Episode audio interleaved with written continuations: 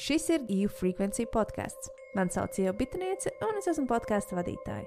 Es lasu divas grāmatas nedēļā un aktīvi sekoju līdz tematam, kā maksimāli uzlabot savu dzīves kvalitāti un attīstīt savu potenciālu. Katru nedēļu man pievienosies kāds viesis, kurš padalīsies ar saviem life hacks, un mēs kopā apspriedīsim aktuālu zinātnē, ezotērijā un varbūt pat popkultūrā. Sarunas bez liekas formalitātes un ar daudz smiekliem. O,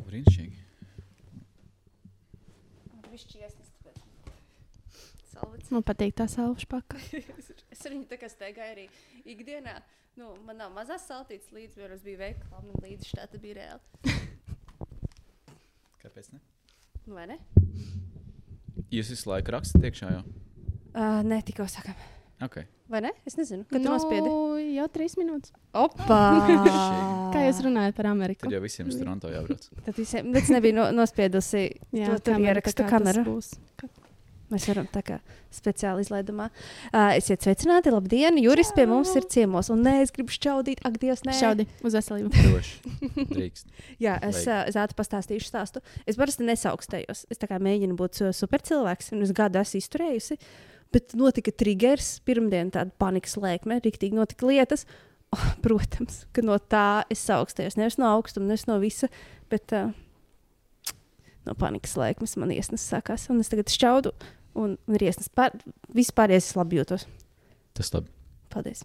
Veseļojies. Paldies. Juri, par ko esi pateicīgs šodien? Šodien, Tieši šodien. tieši šodien, uh, par to vispār, ka ir piekdiena. Ir piekdiena, yeah. Thank God, it's Friday.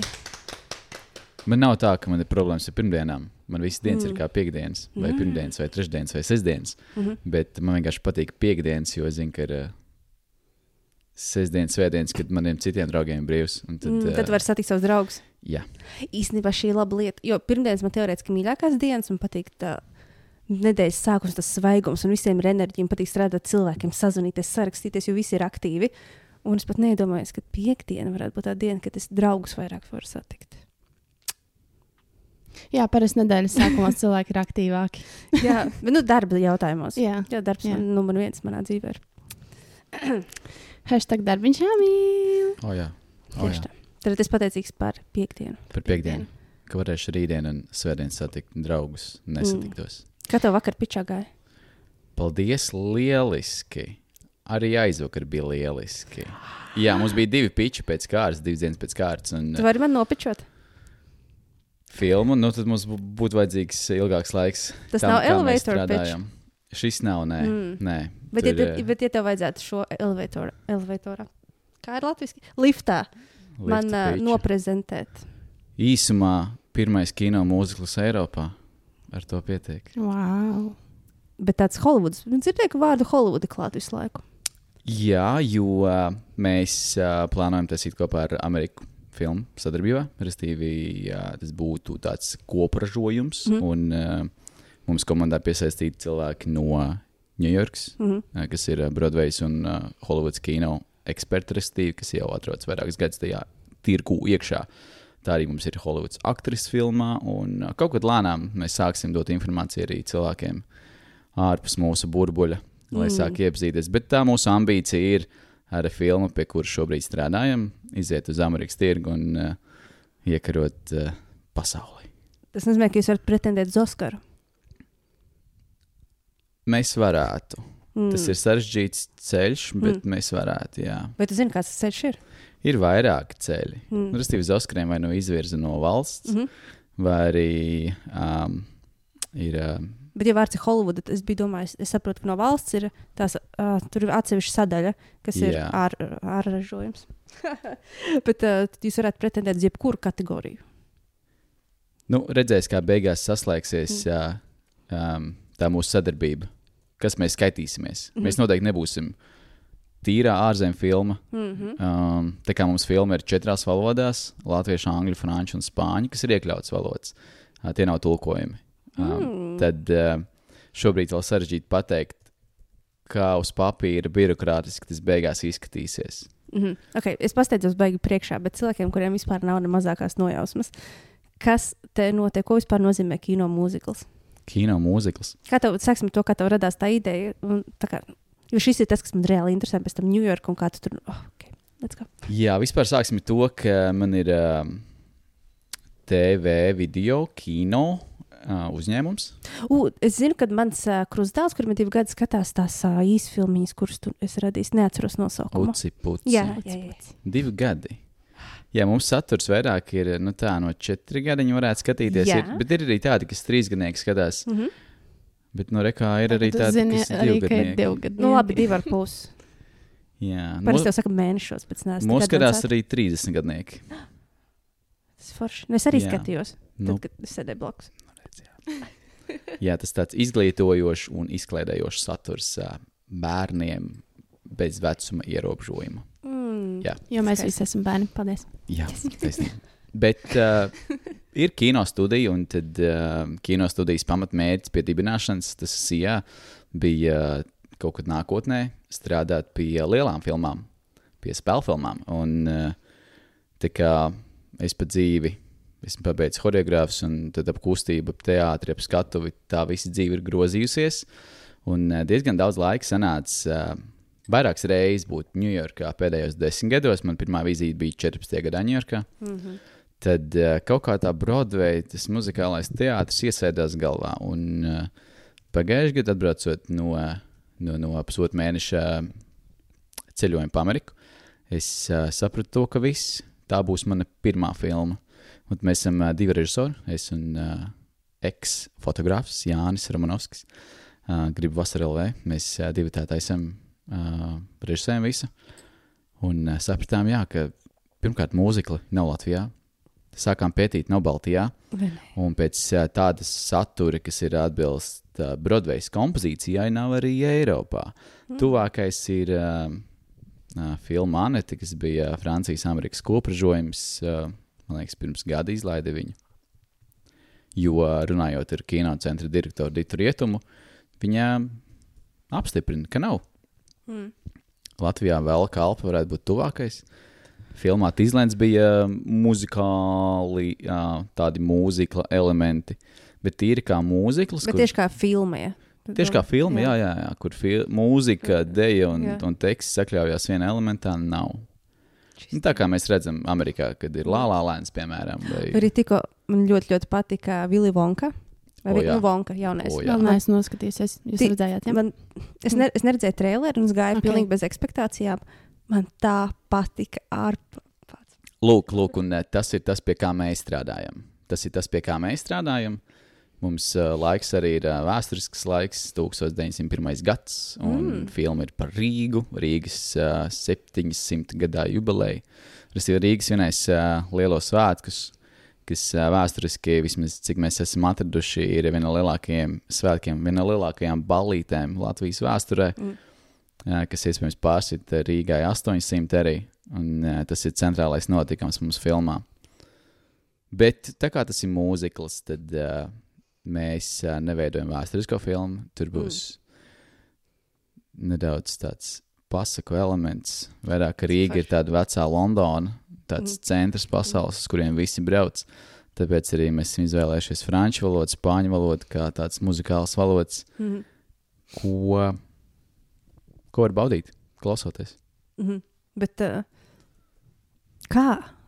Okay, es saprotu, atbraucu, zinu, ka tev uh, ir uh, brīvs tirgus šajā jautājumā, bet drosme to darīt. No kurienes to tā nāk? Pirmkārt, pirms mēs sākām, es nezināju, um, kā ir strādāt pie kino mūzikla. Mm. Kad mēs jau sākām strādāt, tad mums uh, kino centrā pateica, atbildot uz jautājumu, kāpēc Latvijā nav neviens, jo tas ir uh, dārgākais un Mm. sarežģītākais Mm. kino žanrs. Mhm. Jo tā dziesma, un dēļa un, un teksta apvienojums uh, tādā vienā esencē um, daudziem nav pa spēkam. Mm. Un diezgan liela pacietība vajadzīga tajā visā darba procesā. Drosme, es nezinu, vai tā ir drosme, tā ir vienkārši Bet... vēlme. Mm. Tas ir tāds sava veida sapnis. Uh, sapnis ir bijis skaidrs, ka es strādāšu pie lielā kino kaut kad, un bija jautājums, uh, kas būs pirmā lielā filma. Varbūt pirms tam tev bija delusional, ne, bet uh, nedaudz naivums, ka tas viss ir iespējams, un tas deva drosmi. Bet tas nav mums lielākajai daļai, jo es arī, kad uztaisīju uzņēmumu, bija tāds - easy, let's go. Un tikai pēc Iespējams. tam sākas tāds, ah, ok, šādi izaicinājumi. Un tad beigās vienkārši tava pamat, bāze, vēlēšanās, tavs sapnis, ja tu viņu turi klāt, un tad tu vari iziet tam cauri. Un noteikti arī prasmes. Noteikti. Un cilvēki apkārt. Cilvēki, cilvēki ir uh, tas atslēgvārds. Mm. Jā, bez cilvēkiem nebūtu iespējams nekas, ko mēs paši darītu. Neko. Ok, jūs jau sakāt filmēt kaut ko, cik es redzēju. Mm, Nē, mēs nesākām filmēt īsti, bet mēs pirms gada uztaisījām mazu tīzerīti Mm. mm. priekš sevis, uh, kurš strādā kā Pičam? piča materiāls uh, sponsoriem, investoriem. Mēs arī esam izvēlējušies tādu netipisku ceļu. Respektīvi, mēs nevaram pretendēt Latvijā uz kino centra finansējumu, uz KKF. Mēs vienkārši neatbilstam vairākiem punktiem. Piemēram, Un, kādam ā, punktam, kāpēc ne? Piemēram, man nav, ne man, ne kolēģi, mums nav kino izglītība. Tā labi. Tas ir viens, bet otrs uh, ir jābūt arī kādai citai filmai iepriekš jau gatavai, lai varētu pretendēt uz finansējumu. Bet Mm. mm. izglītība. Atkal izglītības jautājums. Vienmēr mēs atdaramies pret šo cilvēku. var būt spējīgs uz jebko. Vai ne? Grib taisīt. Jā, ne? O, Eiropā pirmo mūziku, kino. Un... Nav Bet, izglītība. uh, Ar to tas viss arī ir jautrāk. Mēs, piemēram, šobrīd uh, ejam investīciju ceļu, Mhm. meklējam investorus. Eiropā kino nav biznesa. Eiropā kino nekad nav bijis biznesa. Mm. Tā arī mums apstiprina kino centra cilvēki. Bet um, mēs redzam to, ka tas ir iespējams. Mhm. Protams, Latvijā nē, restīvi arī kāpēc mēs ejam uz Amerikas tirgu. Ja mēs uztaisām tagad filmu Latvijā, mēs viņu palaidām, mēs zaudēsim. Mm. Mēs neatpelnīsim ne pusi no iztērētā budžeta atpakaļ. Jo tas skatījums, kas šeit, ir minimāls. Mm. Un mūzikli nav pazīstami Baltijā. Mm. Eiropā kaut kur uz dienvidiem, vairāk vidus Eiropā, bet pie mums tas skatījums kinoteātros ir kritisks, mūzikliem īpaši. Tāpēc tā mūsu izvēle ir kā prioritāro tirgu ņemt Ameriku, kur mēs zinām, ka skatītājs ir. Un nu, tad mēs vienkārši noseksim Baltiju. Nu, tā, Mm. tādam patriotiskam ķeksim, jo mēs filmējam šeit, visu darām šeit. Bet uh, tas par to drosmi. Um, īsnībā es apzinājos, ka tas ir sarežģīti. Un šobrīd es, es arī kaifoju no tā visa procesa. Jo uh, tā kā neviens to nav darījis, mums neviens nevar pateikt, mm. ko darīt nākamo, kāds mm. ir tas pirmais, otrais, trešais solis. Un uh, viss, ko mēs darām, ir uh, mums pašiem pārsteigums. Tāpēc uh, mēs nezinām, pareizi, nepareizi, un uh, mēs varam aplasties. Mēs esam jau Mhm. aplausušies arī ar vairākiem uh, darbiņiem, ko procesā domājām, ka ir jādara. Izrādās, ka nebija jādara. Bet uh, tā arī mēs mācāmies. Mm. Nu, kļūdas ir labākais skolotājs. Jā, jā, nebūtu kļūda, nebūtu arī tās izaugsmes. Līdz ar to mēs redzam, to, ka tas viss ir iespējams. Un it īpaši, ja Latvijā esam dzirdējuši diezgan, diezgan daudz skepses par to, ko mēs plānojam, jo tas ir sarežģīti un tas ir daudz. Bet, uh, esot Amerikā, runājot par to, ko mēs darām šeit, viņi visi arī lielie kino cilvēki ir sajūsmā. Viņi mudina, mudina Mm. Un ne tikai mudina, bet arī gatavi pievienoties komandai. Tajā brīdī, kad jūs to izdarīsiet un izlaidīsiet, tad cilvēks sapratīs, apkārt. Sapratīs, bet arī ne Un, jā. Jā, ne, jūs būsiet tā, pirmie racēji, un tad viss aizies. Jā. Es tā domāju, jo pirmiem ir visgrūtāk. Bet, bet, bet, bet, um, bet tas ir ļoti uh, bieži redzams, un arī es to jūtu, ka līdz ko ir man ideja, kas nav realizēta vai kaut kāda inovatīva, man uzreiz mēģina tā kā atturēt, vai norakt, vai speciāli mm -hmm. ielikt spieķus tajos mm Mhm, -hmm. riteņos. Nu, tu taču tāds- nevarēsi Bet kāpēc mēs nevaram vienkārši jūtu vai riskēt, atbalstīt. Jā. aiziet un būt bijuši tajā delulu, kā saka? Mm -hmm. Jo ir, ko mēs varam zaudēt? Trekākais ir zaudēt dzīvību. Bet uh, Man no vairāk, visa pārējā jau var iz, izķeproties. man vairāk patīk piemērs, uh, ja mēs salīdzinām mazu bērnu, piemēram, līdz uh, 6 gadu vecumam. Piemēram, par emocijām runājot. Mhm. Um, maziņš bērns ieraugot svešinieku, viņš sajutīs iekšēji, un viņš viņu apskaus. Mm. Zinot, nepazīstot, nezinu, kā tas cilvēks smaržos vai nesmaržos, bet viņš viņu, viņu apskaus bez nekādiem stereotipiem, nekādām iekšējām pārdomām, būt vai nebūt. Mēs, pieaugušie, mēs ieraugam cilvēku, mēs reiz uh, taktiski izplānojam, mm. nē, nebūs. Bet, uh, bet tas mazais viņam ir pilnīgi brīvs smadzenes. Kāpēc viņiem ir drosme lekt no augstumiem un, mm. un slidināties un darīt visādas muļķības? Mm. Jo uh, nav tā sistēma vēl iekalta tik ļoti. Tāpēc uh, mums diezgan bieži jāatcerās uh, tās sajūtas, esot uh, tā mazā pusē. Vai arī Mm. jāļauj, um, es diezgan bieži vairākiem draugiem, kuriem ir bērni, arī saku, lai viņi vairāk klausa mazos. Jā. Jo mazie jūt ar sirdi, mm. -hmm. mēs domājam ar prātu. Un uh, tas sirds reizēm ir tā patiesākā. Un bērns mēs vairāk arī atbalstam. Un tad pēkšņi mēs viņus vairs neatbalstam. Un tas ir baigi dīvaini. Jā, mēģinot jā kaut kādā brīdī tas vispār Jā. jā. pārtop ir. Tad ir ļoti Mm. confusing. Tāds. Pagaidzi, es varu to darīt, vai es to nevaru darīt. Man kādam būtu. Es drīkstu tagad raudāt, vai nē, vai es tagad saņemšu mīlestību, vai nē. Jā, Bet lielākoties, kāpēc cilvēki neuzdrošinās, jo 99% baidās no citiem. no Baidās, citu ko cilvēku citi viedokļa. padomās. Mhm. Ko Jā. padomās? Tāpēc, uh, Mm. un tas ir visiem. 99%. Mhm. Uh, īstenībā viss simts. Man arī liekas, ka visi simts. Pilnīgi arī baidās. To. Vienkārši tur baidīties vairāk, baidīties mazāk. Mm, Un izvēlēties pēc tam, kā tur reaģē uz to. Jā, jā. bet, ja tu dziļi sevi padomā, tad tev taču pilnīgi. Jā. Man pat, jā, par, par priekšstatu izveidošanu par cilvēkiem es arī esmu saskārusies, kad man ierauga un man pasaka, ka man liekas, ka tu sākumā esi iedomīga vai kā. Tu? Jā, Wow, jā tas- man ir tas vienmēr bijis tik jauka. Jā. Man arī, man, man liekas, es vienmēr sirsnīgi pret visiem izturos, un tā ir ar daudziem cilvēkiem. Tāpēc man liekas, vispirms vajadzētu pieiet pie tā cilvēka, aprunāties, Mm. saprast, kāds viņš ir, un tikai tad tā kā, secināt. Tāpēc man patika tas piemērs par to, ka bērns tā kā tiešām jūt ar Jūt, sirdi. Jā. Tas Jā. bija skaisti. Jā. Es, es, es arī vienmēr esmu iedomīgā jau. Jā. Thank you. Bet ejam tālāk.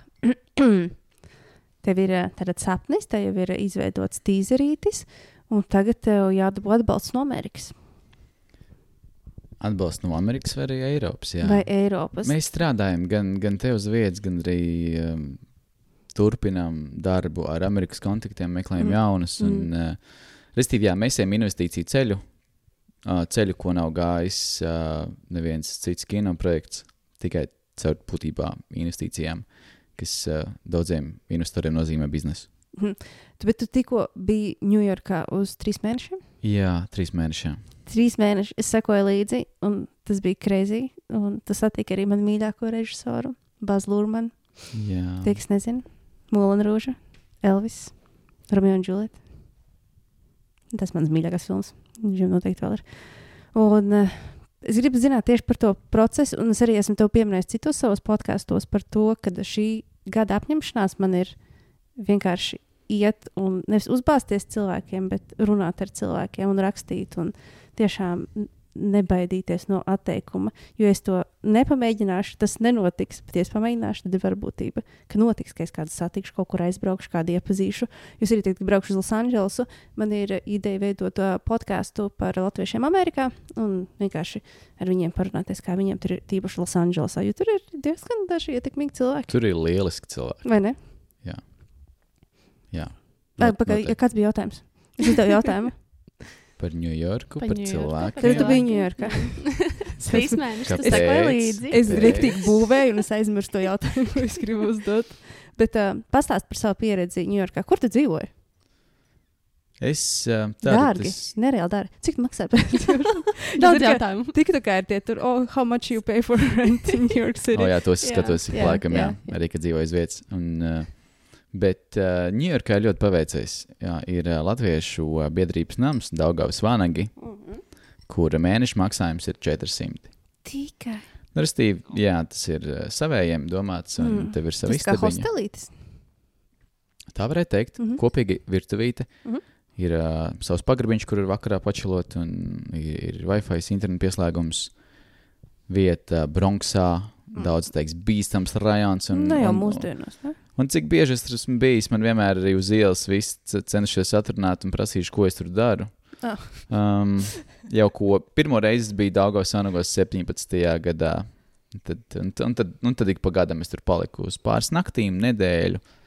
Ilgākais, laikam, pirms tam bija mēnesis, un tagad, tagad bija trīs mēneši vienā vietā. Mhm. Jo es sapratu, sapratu, ka tā būs vienīgā vieta, kur es varēšu izdzīvot. Mhm, mhm.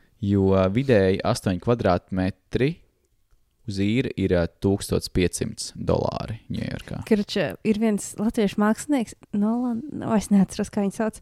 Viņam ir sava galerija. Viņš man piedāvāja uz nedēļu savu vietu savā galerijā. Viņš oh, to palētu 1700 dolāru. What the fuck? Ņujorkā Jā, bet tas bija Manhetenā. latviešu mākslinieks sāk, sāk domāt, kurš. Man viņš ir Facebookā. Jā, interesē ļoti? Jānis tāds varbūt. Nē, ar N būtu šķiet, ka viņam um, amerikāņu vārds tur ir. Nu jā, laikam es, lai arī cik reizes esmu ā, laikam neiepazīšu nekad visus, visus latviešus dzīvojušos tur uz vietas. Tur ir ļoti, vispār Amerikā ir ļoti daudz latviešu. Kopā reģistrēt Ņujorkā, Ņujorka štatā bija ap 800 latviešu. Tas maz. Nu, mums tā šķiet, ka maz, bet tā iedomājoties, Tas ir pilsētiņa, tas ir labs Mm. rādītājs, jo tur kāds var pateikt, o jā, man tur pieci draugi dzīvo Ņujorkā. Tas jau viņiem būs daudz. Nē, nepazīstu. Latvijas? Mhm. Hmm. Tas ir viņa uh, uh, artistu vārds. Okay, bet Ņujorkā ir dārgi dzīvot. Jā, Ņujorkā ir dārga dzīvošana. Un, uh, tāpēc esmu pateicīgs, ka man bija vieta uh, Vanagos. Labi, bet mēs jebkurš latviečs varam iet. Jebkurš latviečs, uh, ja ir īstais e-pasts, kas ir padalīties. Davai. Jā, bet īstenībā tagad uh, Daugavs Vanagi, te jāspēcē auss visiem studentiem, uh, piedāvās uh, studentiem mītnes iespējas, Mm. jo, uh, restīvi, uz Ņujorku brauc buffā cilvēki, restīvi, tu pabeidz bakalauru un tev ir iespēja aizbraukt uz gadu prakses apmaiņā vai mm maģistra pabeidz uh, prakses apmaiņā uz Ameriku. Mm. Uh, visādas stipendijas, Fulbright, tie, kuri dabū uh, Ņujorkā dzīvojās, un tā ir lieliska vieta tiešām ietaupīt un, un labi padzīvot Ņujorkā ar Mm. visām tām stipendijām. Tāpēc arī tagad Daugos Vanik piedāvās Latvijas studentiem oficiālu mītnes iespēju uh, līdz, cik tur, man liekas, kopā var sagulēt ap 20 cilvēki Mm. mm. vienā mājā. Nu, ja tā komfortabli dzīvo. Mhm. Tikko, piemēram, novembrī mēnesī bija koris kamēr Ņujorkā, un tad viņi dzīvoja uz grīdas. Mm. Nu, tas ir uz matricīšiem, Mm. mm. kas ir fini uz vienu, divām, trīs naktīm. Jā, es Mm. mm. vienreiz divas nedēļas uz grīdas Nu, nodzīvoju arī Los nekāda Andželosā. problēma. Dziesmu dēļ svētkos arī ir jāguļ uz grīdas. Tieši tā. Mugurē beigās. Jā, Tieši Tā tā. runā. Cik paliekam paguļ uz grīdas. Pagaid, Bronksa vairs nav tik bīstama kā kādreiz. Vai nē, ok, ir. Jā. Atkarīgs, kurš rajons. Nu, nav tā nu, piemēram, 70. gados. nu, piemēram nu, tik traki noteikti nav, bet tagad pirms trīs dienām es arī sekoju līdzi uh, vienā no pieturām, kurā es reizēm izkāpu ārā un tad eju kājām uz, uz savu māju vietu, kas ir vēl 30 minūšu gājiens. Nu, tur tikko bija ap, apšauda atkal. Mm, bet viņiem visu laiku ir apšauts. Viņiem visu laiku ir apšauda. Jā, jā, Jā. Es, es Santa Monikā, kas ir drošs rajons, es guļu un pēkšņi sāku šaut. Bet mums ir tāda aplikācija, Neighborhood Watch. Un tad uh, var Jā. jums arī viena. Līdzīgi, tas pats jā. Jā, un tie iekšā un tur, oh, jā, ko jaunieši vienkārši gaisā šāvsta. Jā, bet Ņujorkā bieži, restīvi, mēs no tā vienkārši nevaram izbēgt. Es arī biju ceļā uz vienu Broadway izrādi decembra sākumā, un man atnāca stunda pirms paziņojums, ka tieši pie ielas tikko bija sašauts cilvēks, tad izrādi pārcēla, un tad es arī, jā, arī pārcēlos ar pašu izrādi. Casual. jā, tad, tad tur tā ir. Jā. Un paliek trakāk, diemžēl. Jo viņam kaut kas tur likumiem ir. Kad uh, par tiem ieročiem, ka vajadzētu vieglāk viņus it kā vajadzētu nebūt iespēja vieglāk iegūt, bet viņi visi viegli iegūst ieročus. Viņi var zakt līdz tur konkrēti līdz 100 dolāriem vai cik, un tur viņiem nav sots.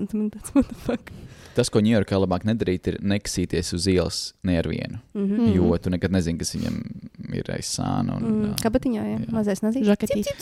Nazīts jau tā, bet nu, kāds ierocis, tas gan nu, jā, Ar klusinātāju. Tur kā- ar ieroči. Tur katram otrajam, ja ne, ja ne katram būtībā uh, aizmugurē ir uh, Ierocīts. kaut kas paslēpts. Mm. Ok, trīs mēneši Ņujorkā, un šo trīs mēnešu laikā tu dibināji visus kontaktus. uh, Un, kā tu pie viņiem nokļuvi? Jo es iečakoju Jā. Instagram, un man bija tāds, oh, wow, iespaidīgi. šo kā. Šis bija tāds, šis bija apzināts trīs mēnešu brauciens. Ja iepriekš es biju nedēļa līdz mēnesis, pusotrs bija ilgākais pagājušajā gadā. Tad šie bija trīs apzināti mēneši Ņujorkā ar mērķi saprast, kā vismaz nedaudz, kā strādā Holivuda, kā strādā viņu kino pasaule. Bet kāpēc, es drīkstu pārtraukt, kāpēc Ņujorka nevis Losandželsa? Jo Ņujorkā man mani kontakti, Mm. mani cilvēki, un pēc kino cilvēku ieteikumiem Ņujorka ir vieta, kur braukt, ja gribās dibināt kino kontaktus. Mm. Jo Ņujorkā ir viņu centrālajie biroji un notiek diez, diezgan daudz pasākumu, un arī aktieri dzīvo. Un, piemēram, man vajadzēja, man tāds mērķis bija tikties ar Hugh Jackman, bet neizdevās nedaudz.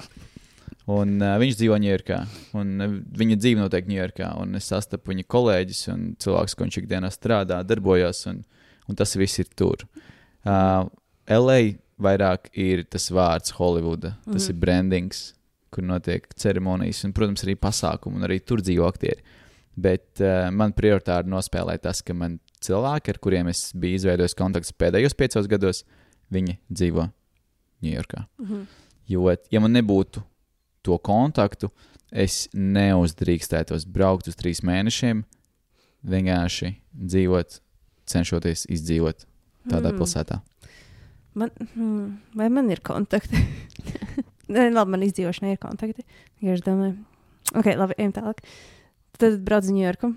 Un, restīvi, jā, es braucu uz Ņujorku. jā. Es tik daudz reizes esmu pateikuši Ņujorku. Um, man Latvijā nācās, um, man, man bija īrs dīloks, jā, es viņu atteicu arī, atdevu Mm. atpakaļ saimniecei, jo es nevarēju trīs mēnešiem atrast nevienu, kurš varētu manā vietā Hmm. tā kā paņemt šajā posmā, kas ir būtībā oktobris, novembris, decembris, janvārs, pirmā puse. Tur. Um, jā, man tad es paliku bez, un pēdējo nakti mašīnu atdevu, atdevu draugiem, iedevu trīs mēnešus pabraukāties. Un uh, pēdējo nakti pavadīju birojā, vecrīgā, uz mazu divāniņu, saliktām kājām. Un, Un pēc tam lidmašīnā vēl saliektam kājām. ā, tas, jau, tas, jau, tas jau bija labi. Oh. Jā. Ienīstu lidot. Man, man, man patīk lidot turpceļā. Mm. Atpakaļceļā man gribās, ka tik ātrāk kā tas viss uh, paiet. Bet uh, diezgan daudz informācijas par trīs mēnešiem. Tāpēc, uh, jā, kas ir tas Nedomā, Varbūt konkrētais? tie, varbūt tie spilgtākie kaut kādi, ko tu iezīmētu, ko tas ir. tā kā.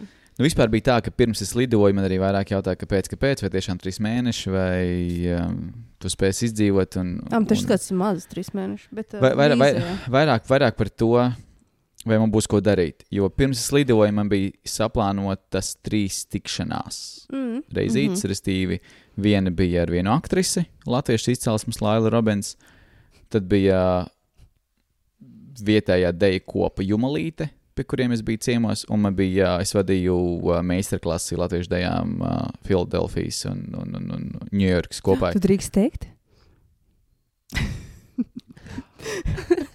Jā, restīvi, tās bija vienīgās trīs. Okay. Un, uh, bet es braucu uz 90 dienām, Mm. un man nekā cita nav. Un, uh, Tev noteikti to jautāja cilvēki, kas nekad nav bijuši Amerikā, vai ne?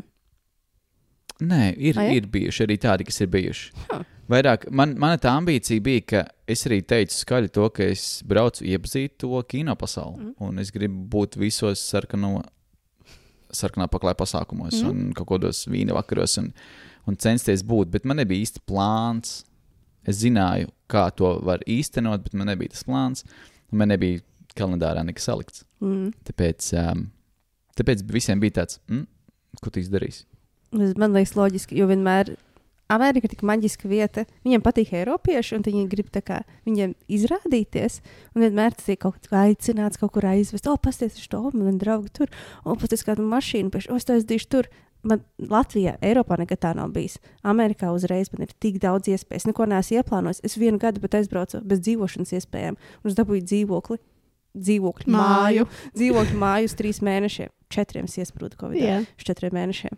Nu, man šķiet, ka tā ir tik maģiska vieta, kur tu vari vienkārši braukt un būt, un būt patiesa, un viss nāks. Jā, jā pilnīgi piekrītu.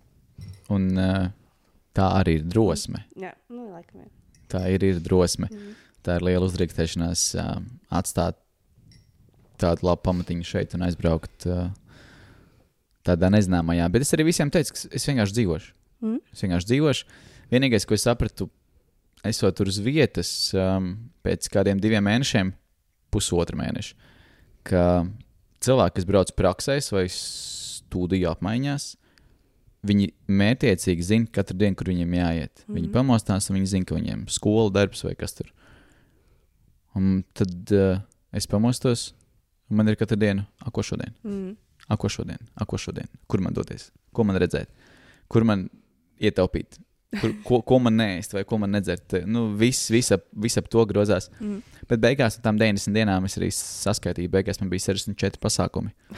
Wow. Uh, kas bija diezgan intensīvi. Un, uh, jau pirmajā dienā atlidojot, es biju augustā Francijā, un uh, man patīk kliņš kāpšana un boulderings. Un es biju Francijā kāpšanas zālītē, un kāpšanas zālē iepazinos ar vienu puisi, kas uh, mācās Ņujorkas uh, Universitātē kino kursa pēdējā gadā. Un uh, mēs iepazināmies, apmainījāmies kontaktiem. Es ielidoju Ņujorkā, un e- viņš ir režisors. Un, uh, es viņam rakstu, hei, viņš arī kāpj. Es kā esmu Ņujorkā, vai var ieteikt, kur iet pakāpt. Viņš man burtiski uzraksta, ej, šodien ir viena tur nelegāla vieta, kur mēs varam aiziet. Ja tu nebaidies, kā nāc ar mani. Ja mēs Un- nelegālā kliņš kāpšanas vieta. Jā, tur ir viena tāda, viena no vecākajiem uh, Brooklynā. Uh, es, es droši vien nestāstīšu, kāds vēl izlūkos. Un Mm. Tur, tur, tur ir tā, tu ienāc, eh, lai tiktu tajā namā iekšā. Restīvi, tā ir publiska ēka pa dienu, un teiksim, tā, tā ir klīnika. Un uh, viņi astoņos vakarā ir cieti, uh, deviņos sāks uh, reizes nedēļā, otrdienās mm, kāpšanas uh, tusiņš. Un, lai tur tiktu iekšā, tur uh, zem durvīm tiek pabāzti divi vadiņi. Un tu atbrauc, tu paskaties pa labi, pa kreisi, neviens tevi neredz. Tu pietupies, paņem tos vadiņus, dzin, dzin, saliec kopā.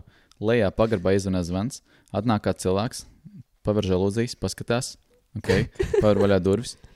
Tu ieej durvīs iekšā, visu aiz, aizslēdz ciet, gaismu neslēdz iekšā, ceļā uz pagrabu.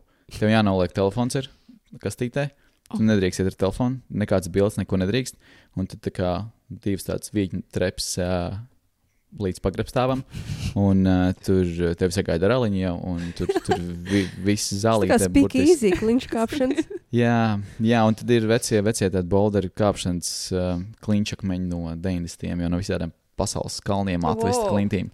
Un tur, tur, tur, tur katrs trešais tur Everest izkāps aptuveni. Nu, tādi cilvēki, un, uh, kas ir diezgan nopietni to dara, kas ir liels hobijs. Un, uh, un tad tajā vakarā es iepazinu jau nākamos cilvēkus, kas bija pirmais vakars. Un tad jau tā pirmā nedēļa man bija pilna. Es jau biju tur, tur, tur, tur. tur. Tie nebija ar kino saistīti, vienkārši bija forši cilvēki, mm. kliņš kāpēji, aktīvi turisti. Bet tā lēnām, lēnām, lēnām tas viss uh, sāk ritēt uz priekšu. Bet uh, par to, kā es nonācu kino pasaulē, um, man ir uh, konkrēti divi cilvēki, Ņujorkā, kas man ļoti palīdzēja. Uh, viena ir Laila Robins, Hollywoods, latviešu izcelsmes Hollywoods aktrise. Mm. Um, pēdējā filma, ko droši vien Latvijā cilvēki zina, ir Walking Dead seriāls. Viņa bija man liekas, 10. un 11. sezona galvenā sliktā varone. Mhm. Un, uh, jā, un mēs, mēs viņu iepazināmies 19. gadā. Un iepazināmies tā, ka es netīšā veidā nonācu anomītnē. Mēs runājām ar ANO priekšnieku Latvijas. Es viņam kaut ko pastāstīju, ka man nesanāca tur viena tikšanās. Viņš man iedeva viņas e-pastu. Es viņai uzrakstīju, viņa man momentā atbildēja. Mēs nākamajā dienā tikāmies uz kafiju. Mēs stundu padzērām kafiju. Viņai bija platmela, man bija platmela. Viņa pateica, man patīk, tev platmela, ko dari vakarā. Un es prasu, kad ir vakars. Viņa tā kā saka, nu tagad, jo mēs jau vakarā tikāmies burtiski. Mm. Un es saku, "Ne, man plāna nav. Un uh, viņa saka, viņai ir plānots mētiņu vakars. Vai es vēlos pievienoties? Viņai ir kundze ap 60 gadi. Jā, jā. Un Es domāju, mētiņu vakars, labi. Es varētu pievienoties. Beigās mēs nonācām fantastiskā dzīvoklī virs uh, centrāla parka, kur uh, Oh, nice. Okay. trīs uh, latviešu izcelsmes Amerikas mākslinieces vienkārši satikās uz vīnu vakaru, un mēs pavadījām fantastisku vakaru, nakti runājot par dzīvi, par lietām, par darbiem, un uh, tādā veidā izveidojot uh, draudzīgas saiknes. Mhm. Uh, viena ir Laila Robins, un otra ir uh, Una Tone, kas Mhm. ir uh, Ņujorkas um, uh, mūziķe, vilniece, latviešu izcelsmes. Mm. Ņujorkā dzīvo pāri 20 gadus. Viņa ir viena no labākajām vilniecēm Ņujorkā. Gan ar simfonisku orķestri, viņa koncertē ar Maiklu Bublē, un, un, un Broadway's izrādēs ir pirmā viola. Un, diezgan skaļš vārds Ņujorkā. Latvijā diezgan maz noteikti zinās, jo es neesmu. Ir bijušas intervijas, man šķiet, bet es neesmu fiksējis. Mhm. Nu, lūk, un, un šīs divas dāmas viņas tajā nozarē ir diezgan nopietni iekšā. Un, un es viņām atklāti teicu, ka, ja ir pasākumi, ja ir kāda iespēja, kuras var būt, es priecāšos, ņemiet man līdzi, aiciniet. Un tā nu, tā nu es lēnām nokļuvu vienā pasākumā, otrā, un tad, un tad tajos pasākumos tu iepazīsies ar kādu citu cilvēku. Mm. Un tas izdomā, ka, hei, es tev paņemšu rīt uz to pasākumu līdzi. Mm. Un es arī mērķiecīgi teicu, ka mēs strādājam pie filmas, mūzikas, Baltija, Latvija, Eiropa, gribam, gribam Ameriku, gribam sadarbību, un viņi visi mm. jā, krita tādā patīkamā sajūtā, ka mēs šeit gribam Broadveju, mm. tik tālu no Londonas vai tās pašas Ņujorkas. Un uh, tas ir stāsts, kā es no, nonācu visādos pasākumos. Vienā dienā, piemēram, es biju kāpt, bija trīs dienā. Es dzīvoju Bronxā, es biju kāpt Manhetenā, man 40 minūtes līdz 45 minūtes jābrauc kaut kur līdz mājām. Man Laila uzraksta īzi, īziņa bija trijos dienā, septiņu vakarā, tā adrese, uh, izskries šarp, gaidu. Es skatos pulkstenī, bāc, tā man jāapspēj turien, tad man vēl tas, un es ātri tur pabeidzu kāpt mugurens uz, uz Mhm. Mhm. somu uz muguras, jā, un, un es vienkārši skrējienā, skrējienā apakaļ uz Bronksu, pārģērbjos dušā, tad braucu uz to kino pasākumu. Un Tas bija vakars, kad es satiku Rečelu, Makādams, Hmm. kad bija, um, kad bija um, tāds um, Pareizi. īpašais vakars. Jā. Bet kā ir tas tajā pasākumā, tur ir slavenības A-list, tā kā celebrities. Mm -hmm. Tu vienkārši pieeji klāt un sevi iepazīstini. Nē, tur ir tā, ka tie pasākumi, kurus tika aicināts, tie bija tādi divi īpaši pasākumi. Mēs bijām kādi 50 cilvēki. Tas ir šaura loka pasākums, uz kuru ir uzaicināti vienkārši konkrēti cilvēki no nozares. Nu, katrs, protams, var paaicināt līdzi kā savu plus Mhm. viens. Un, ja jau tu tur esi, tad aptuveni, kā man arī tur stāstīja, nu visi ir vienā līmenī. Tev nav jāiepazīstina, vienkārši ej un runājies. Jā, tu Mm. iepazīsties, protams, procesā, Mhm. bet tas notiek tik dabiski, ka viss. Mm. Un, uh, piemēram, tajā, tajā dienā, kad es skrēju uz to vakaru pasākumu, es nezināju, uz kuru, uz kuru pasākumu es dodos. Man Laila tikai pateica, ka ir uh, skrīnings uh, vienai filmai, kur it kā nav slavens režisors, bet viņi neko vairāk man neminēja. Mm. Un uh, mēs ierodamies uz to pasākumu. Un uh, es skatos lielā plakāta, un tur ir Rachel un vēl citi man zinām aktieri. Un es domāju, nu gan jau, ka uz to QA būs tikai režisors. Nu, tā kā iepriekšējā dienā bija Buzz Lormans. Mm.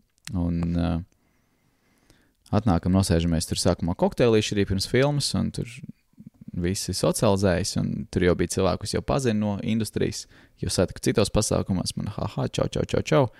Mēs ienākam zālē, 50 cilvēki aptuveni, mēs nosēžamies. Mēs sēžam, un es pie labā pleca es redzu sev um, sievieti, kas izskatās līdzīga Rēčelēm Makādams. Bet man tāds, nu nē, pirmkārt, viņa nesēdēs man aizmugurē. Es sēžu pirmajā rindā, tas ir pirmā rinda, man priekšā tikai daži dīvaini ir. Bet man ir tā kā pirmā normālā sēžu rinda. Sēžu, sēžu, sēžu rinda, jā. Um, un es domāju, viņa nesēdēs man aizmugurē. Jā, beigās izrādījās, tā bija viņas māsa. Mm. Viņš vienkārši ir superlīdzīgs. Vai arī māsīts? Nu, bet- Jā, restīvi, bet radinieks. Bet tā Mhm. bija, rad- tā bija radinieks. Un, uh, nu jā, beigās mēs noskatāmies filmu, ļoti emocionālu filmu un, uh, un skaisti. Un, un, un filmas beigās skatos, ka tehniskais personāls nes ārā sešas vai septiņas krāsas, neatceros vairs. Un es tā sāku skaitīt. Režisore, producente, labi, operators. Kas pārējie? Operatori dažreiz arī ir šajos Q&A? Kinematogrāfi, Mm. kas ir uh, restīvi cilvēks, kas atbild par visu Mm, mm, galveno ok. okay. redzējumu, kā izskatās kamerā. Viņi ir viena no galvenajiem jā, Mm. komandā. Un, un tad es saprotu, ka pārējie krāsli ir aktieriem. Un beigās, jā, iznāk uh, pamata sets. Un es tieši naktī iepriekš biju noskatījies Oppenheimer, es nebiju redzējis iepriekš. Mm. Un, uh, Un tieši iznāk ka aktieris no Oppenheimer arī, Ha. kurš, kur es neatpazinu, ka tas ir filmā viņš. Dzīvē izskatījās viņš uh, tuvāk pat, patiesībā, kāds viņš bija Oppenheimerā.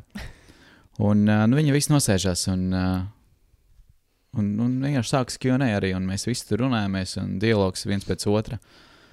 Un, uh, un es uzzinu, kas ir tā pati režisore, un viņai blakus ir viņas scenārija asistents Čels, kurš dabūjis divas reizes Oskaru. Un, un izrādās arī viņa filmu zinu, bet pēc sejas es neatpazīstu. Un, uh, nu, un beidzas tas QA, uh, tad sākas otra daļa, kas ir tajā pašā telpiņā, ka vienkārši visi savā starpā runājas. Un es aizēju pie scenārista, aizēju pie režisora, un, un, un, un protams, jā, tur ir mazā aktrise viena, mm, kur spēlē galveno lomu filmā. Viņa šogad diezgan daudz nominācijas dabūjusi. Un uh, es viņai 14 gadu laikam bija. Es arī aizgāju ar viņu parunāties, un uh, tur gan nedaudz stulbi sanāca man.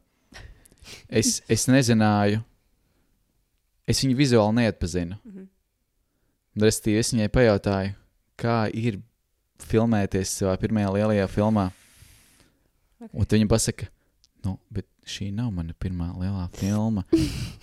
tad man tāds erors galvā, un es pārjautāju, jā, bet šī noteikti ir tava galvenā loma. Un tā bija viņas galvenā pirmā loma. Mm. Kā, tad izgāja no situācijas ārā. Pēc tam aizgāju stūrīšu, iegūlēju. Un uh, sapratu, ka esmu redzējis viņu citās filmās arī. Un, uh, bet forši parunājām. Un, uh, un, tad, un tad mums sākās diskusija. Mums bija, man, man sākās diskusija ar Rachelu. Un uh, pirms gadiem, 10, 11, uh, ja man kāds jautātu, kas ir mans celebrity crush, es teiktu, Rachela.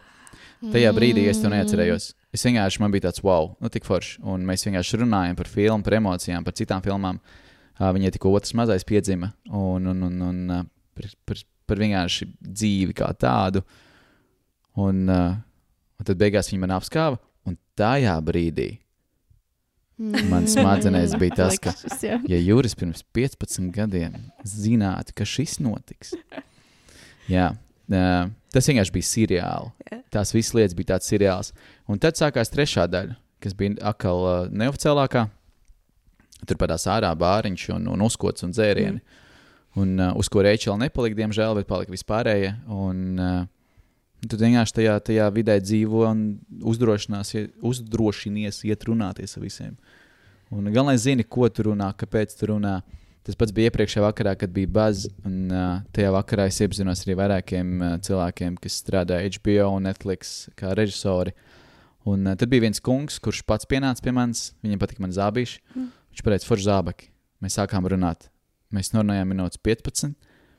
Sapratām, ka esam it kā vienā industrijā, bet ka es kā startēju industrijā, un sapratu, ka viņš ir ilgi industrijā. Viņš neteica, kāda darba viņam, ko viņš dara. Beigās es iegūlēju, un tad skatos, ka viņš ir troņa spēļu režisors arī vairākām ah, sērijām. ok. Un, uh, bet uh, bet nu, arī ar, tādu, ar to cilvēku mums ir kontakts. Mēs e-pastiski sarakstamies un uh, Epistiski. e E-pastiski. e-pastiski. Jā, mēs uh, apmainamies ar uh, vēstulītēm. Elektriskajā. Elektriskajā. Jā, elektriskajā. Nu, nu tā, diezgan daudz šādu notikumu. Tad arī es uh, nonācu vienā, man uzaicināja viens uh, latviešu pāris, kas dzīvo Amerikā, Ņujorkā 20 gadus vairāk. Uzaicināja pie sevis mājās. Un tajā pašā mājā daudz gadus viņiem kaimiņos nodzīvoja Stings, Hm. kurš katru rītu gāja peldēties. Un, un, tad, un vienkārši viņi man stāsta par to kā tādu normālu ikdienu Mm. Normāla rutīna. Tad es esmu Hugh Jackman medībās, un man tā kundze Sandra stāsta, es viņu katru nedēļu redzu. Viņš te pie loga pastaigājas. Tad labi, kurā brīdī man jābūt, man jābūt Cikos, klāt ir- cikos viņš pasteig? Jā, jā, tas Hugh Jackman stāsts, tas ir vēl kaut kas pilnīgi Jā, es cits. gribētu um, pajautāt, kāpēc tieši Hugh. Kāpēc tieši Hugh? Latvijas dīvaini izklausās vārds. Hugh. Es pirms gada, kad biju Ņujorkā, es biju aizgājis uz viņa muzikālo teātrī izrādi, Broadway izrādi mm. The, The Music Man, kur viņš spēlēja galveno lomu. Un es pirmo, pirmo reizi dzīvē redzēju viņu dzīvē, uz skatuves, un ka viņš dzied, viņš ir muzikālā teātris aktieris. Ne tikai tas Wolverines mm -hmm, no X cilvēkiem. Un, uh, un tad es sāku vairāk pētīt, un es sapratu, ka viņš arī producē muzikālus darbus. Viņš uh, atbalsta muzikālus darbus, un uh, viņš ir tāds kārtīgs uh, mūziklu patriots.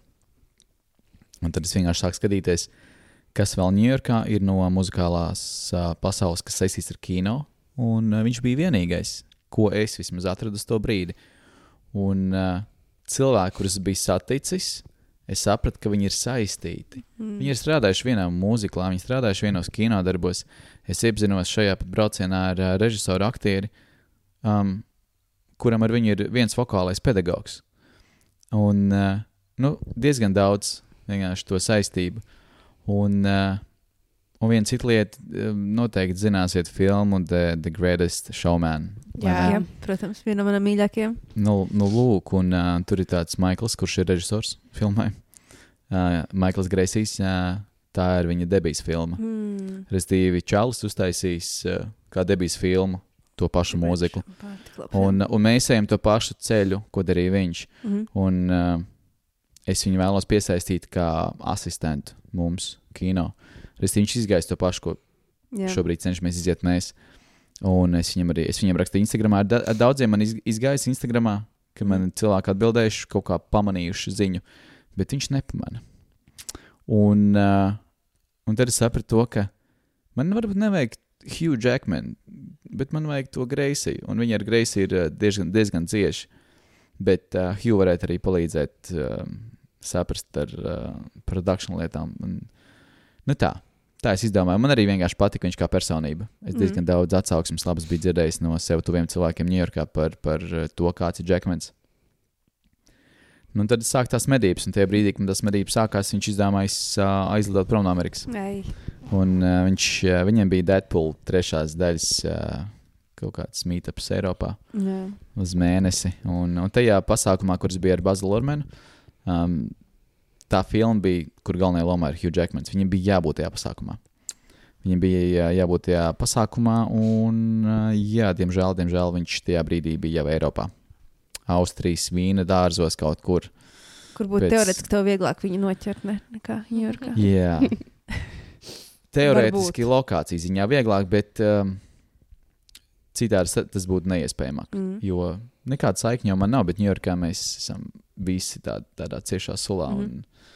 Galvenais ir tikt pie pareiziem cilvēkiem. Mm. Un uh, tad pareizie cilvēki aizved tevi. Tad sanāk, ka viņiem tā kino uh, iekšējais burbulis nav nemaz tik milzīgs. Sanāk, viņi visi viens otru pazīst, un visu laiku notiek kaut kāda pasākuma, un viņi visu laiku kontaktējas savā starpā. Viņš ir milzīgs. Viņš ir milzīgs. Viņš ir milzīgs.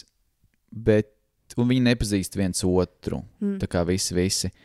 Um, viņi zina, iespējams. Mm. Tie, kas ir uh, top blīcē, kaut kādā pirmajā, otrajā grupā no pirmās vai otrās šķiras aktieriem, viņi zina sejā, ka nu, vai tāds cilvēks eksistē. Mm. Bet, uh, piemēram, tur ir tāds um, Film Society, man liekas, tas bija nosaukums. Vienkārši viens uh, čalis, kuram ir nosaukums tas Film Society, viņiem ir kontakti, telefona numuri no būtībā visiem Hollywoods top cilvēkiem.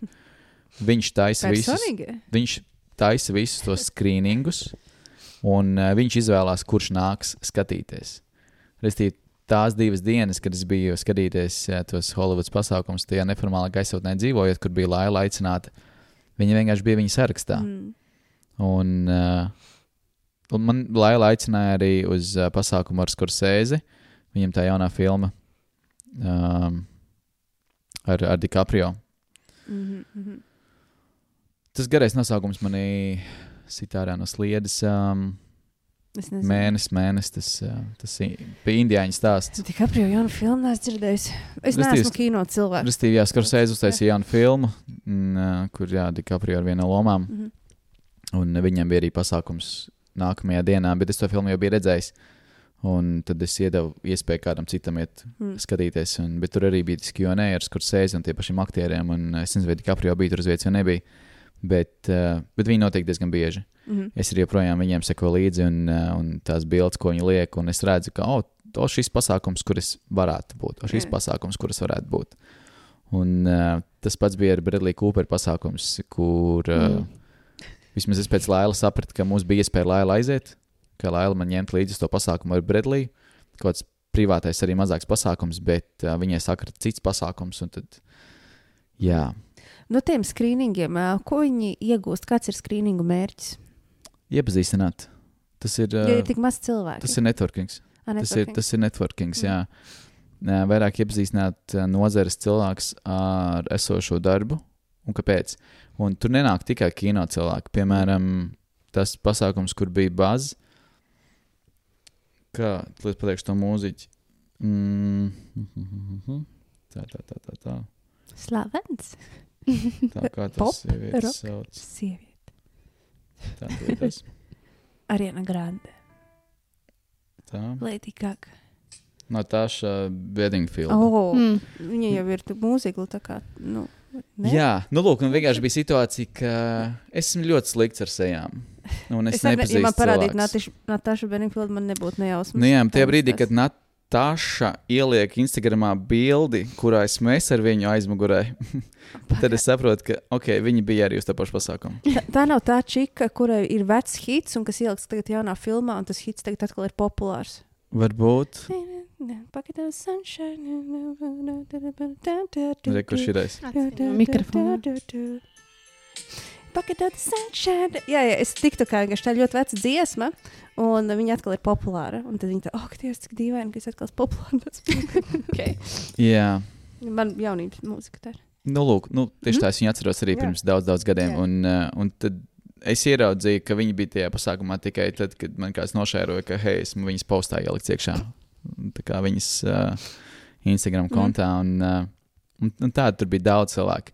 Viens kungs bija aizmirsis savu telefonu uz, uz krēsla, un es paķēru telefonu. Un es domāju, kam tas ir? Un es skatos, ka tas tam kungam, un es nezinu, kas viņš tajā ir.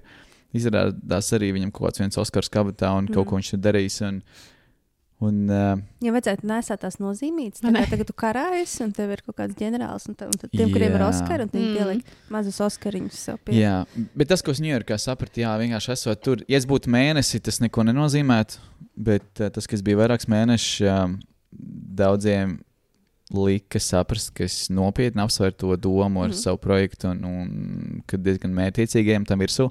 Un tikai tāpēc viņi man aicināja tālāk uz pasākumiem. Mm. Jo viņam bija tāds, tu esi šodien, un tu būsi pēc mēneša, un tu būsi Mhm. vēl pēc diviem mēnešiem.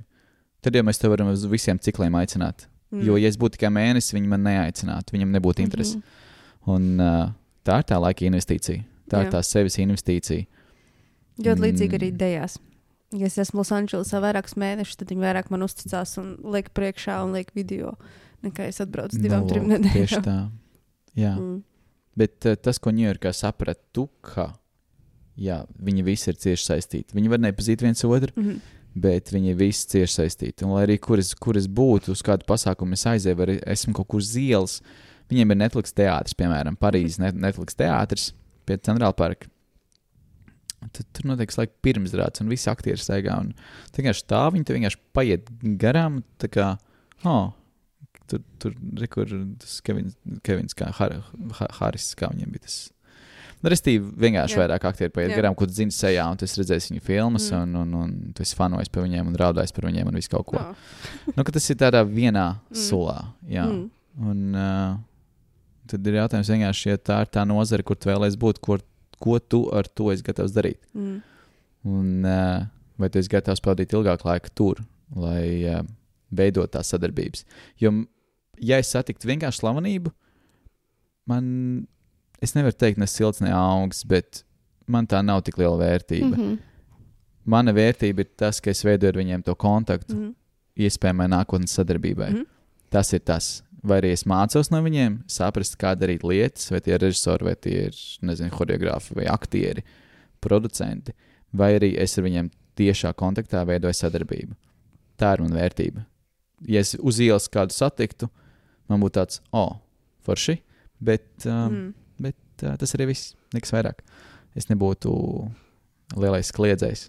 Jā, mēs šeit neviens latviečs neesam tāds. Es nezinu, kam bū, kā, kādam cilvēkam būtu jānostājas manā priekšā, lai es kliegtu.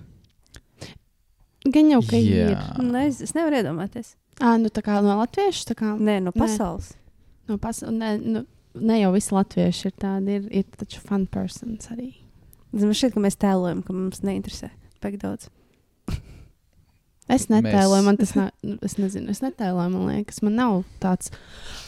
Jo, jo man ir ļoti daudz pazīstamu latviešu slavenības, un tagad es esmu sabiedrībā ar viņiem, es redzu, kā cilvēki reaģē, un tad ir tāds ļoti dīvaini. Viņi ķip izliekas neko, un vēl nesen bija tā, kad mēs stāvam rindā ar Ilzi, bū, Un uh, visi cilvēki vienkārši dzērām koku sejā. Ilza aiziet, laikam, pēc popkorna, un tā līdzi, oh, my God, arī Ilza, kur ir mana kaut ko saka dziedāt, kur ir mana cilts. Jā, vienkārši stāv. tāds ir Un, Latvijā. un es stāvu tā, un Ilza atnāk What? atpakaļ, viņa uzreiz atkal Jā, jā. izliekas, ka nekas nav bijis. That's what the heck. Jā, man liekas, cilvēkiem vienkārši būtu jābūt patiesākiem. Uh, tas, ka tas status nu, ir forši, bet tas neko daudz nenozīmē. Protams, mēs, mēs ikdienā neiesim, mēs nevajadzētu to uh, cilvēku noslogot ar savām emocijām. Jā, nevajag arī Jā, jā, uzbāzties, uzbāzties jā, jā. tieši Jā. tā ir Jā. personal space. kas Un, ir- uh, un šis ir skumji Amerikā, tas, ka tā ir ikdiena. Tur, Ka visu laiku bažas virsū. tur, mm. -hmm. nu, es, es pagājušajā gadā pieredzēju, Hugh Jackmans iesaistās mašīnā. Simtiem cilvēku tā kā, ir ap mašīnu. Mm Mhm. -hmm. Sit pa durvīm, Ak, pa logu. Tas ir Tas ir tik- briesmīgi. Viņi, viņi visi fano, bet tas ir tas, kā viņi fano. Bet tā ir Viņi, ne, vardarbība. jā, viņi nedod viņam to brīvo telpu. Jā, Tas ir par to, ka es nezinu, Latviju, kas tā darītu. Ka Vai ne? Latvijas, Jā. es, es satiktu, piemēram, Džons Meijers būtu man laikam lielākais, ko es varētu satikt. Drīzāk noģībtu. es sāktu kliegt un drīzāk es sasniegtu. Okay. Tas dabūjis kontaktu savu kabatām. Tagad- 90 dienas pārvērtās par no trīs pasākumiem par veseliem 64. O, tu atceries, Tas bija. Pierakstīju. Un Tagad es atbraucu atpakaļ. Kas notiek? Jā. Ir, tagad tu ej- mēģini Latvijā dabūt naudu, tu nemēģini tā kā pasaulē dabūt naudu. Mēs mēģinām, ja mēs par filmu runājam, tad uh, mēs strādājam gan ar uh, Latvijā šobrīd uh, cilvēkiem, kas spētu investēt, gan ar uh, vietējiem uzņēmumiem, respektīvi komunicējam, Mm. veidojam kontaktus. Tā arī, um, kas svarīgi man, saglabāt kontakts ar Ameriku. Un uh, viens no lielākajiem kontaktiem, ko es negaidīju, ko es nebiju, par ko es ne- nebiju pat domājis, bija uh, Mihāls Barišņikovs Mm. uh, Mm. paša Barišņikova centrs. Un uh, tas viss izvērtās. Nu, man pilnīgi negaidīti. Es ļoti sadraudzējos ar viņa valdes cilvēkiem. Un, um, tas bija ļoti netīšām. Es um, pirmkārt ar Barišņikovu iepazin- iepazinos liftā. Mm, jā, es lasu. Ļoti neveikli. Tas bija ļoti neveikli. Labi, ka viņam bija sunīts līdzi. Citādi es jutos ļoti neveikli. Man bija trīs stāvi, ko braukt ar viņu. Un es zināju, ka. Tu arī tēloji, ka tu nezini, kas viņš ir. Nu, viņš noteikti zināja, ka es zinu, bet mēs, mēs stāvējām divi tā liftā un bija klusums. Oh. klusums. Viņš nolaica un, to savu suņiku uz grīdas. Un, uh, un es saprotu, to, ka tūlītās mēs būsim trešajā stāvā, un es nevaru neko nepateikt. Mm. Man kaut kas Mhm. jāpasaka. Un es pateicu, ka foršs suns, bet es to pateicu tādā vīrieša dzimtē, angliski, un viņš teica, ka tā ir viņa. Tie brīdī viņš pateica, to ir viņa, ka tā ir viņa. Es pagriezos ar seju pret viņu un pateicu ļoti tādā izprasti, varbūt tādā krievu akcentā, Halo, Mr. Barišņikov. un, uh, un viņš uz mani skatās un tā kā saka, hi. Un, uh, jo viņš ir tā, krievu tā kā tautības asinīs uh, pamatā, un, un arī man 50% ir, uh, ir, un es runāju ikdienā ģimenē, krievu valodā. Un man ar to nav problēmas. Un tajā brīdī es jutos neveikli, bet man kaut kas bija jāpasaka. Bet mēs sākām uzreiz runāt ar viņiem angļu. Saka, angliski tomēr. Jā, es, viņam, es viņam angliski pateicu, kas no Rīgas, no Latvijas, mm Mhm. -hmm. un ko es daru. Un tad viņam bija tāds wow. Un tad es pārslēdzos uz krievu valodu. Mēs brītiņu parunājām, bija viena izrāde. Tad bija 30 minūšu pauze starp izrādi. Mēs parunājām vēl minūtes 15. Tad bija nākamā izrāde, es gāju mājās. Nākamā dienā es atgriezos, restīvi tās bija rezidenta izrādes, kas ir bez maksas Mm, Barišķingo mhm. centrā. Un, uh, Barišķingo centrs piedāvā māksliniekiem, dejotājiem, Mhm. aktieriem uh, bezmaksas rezidentu vietas reizi gadā.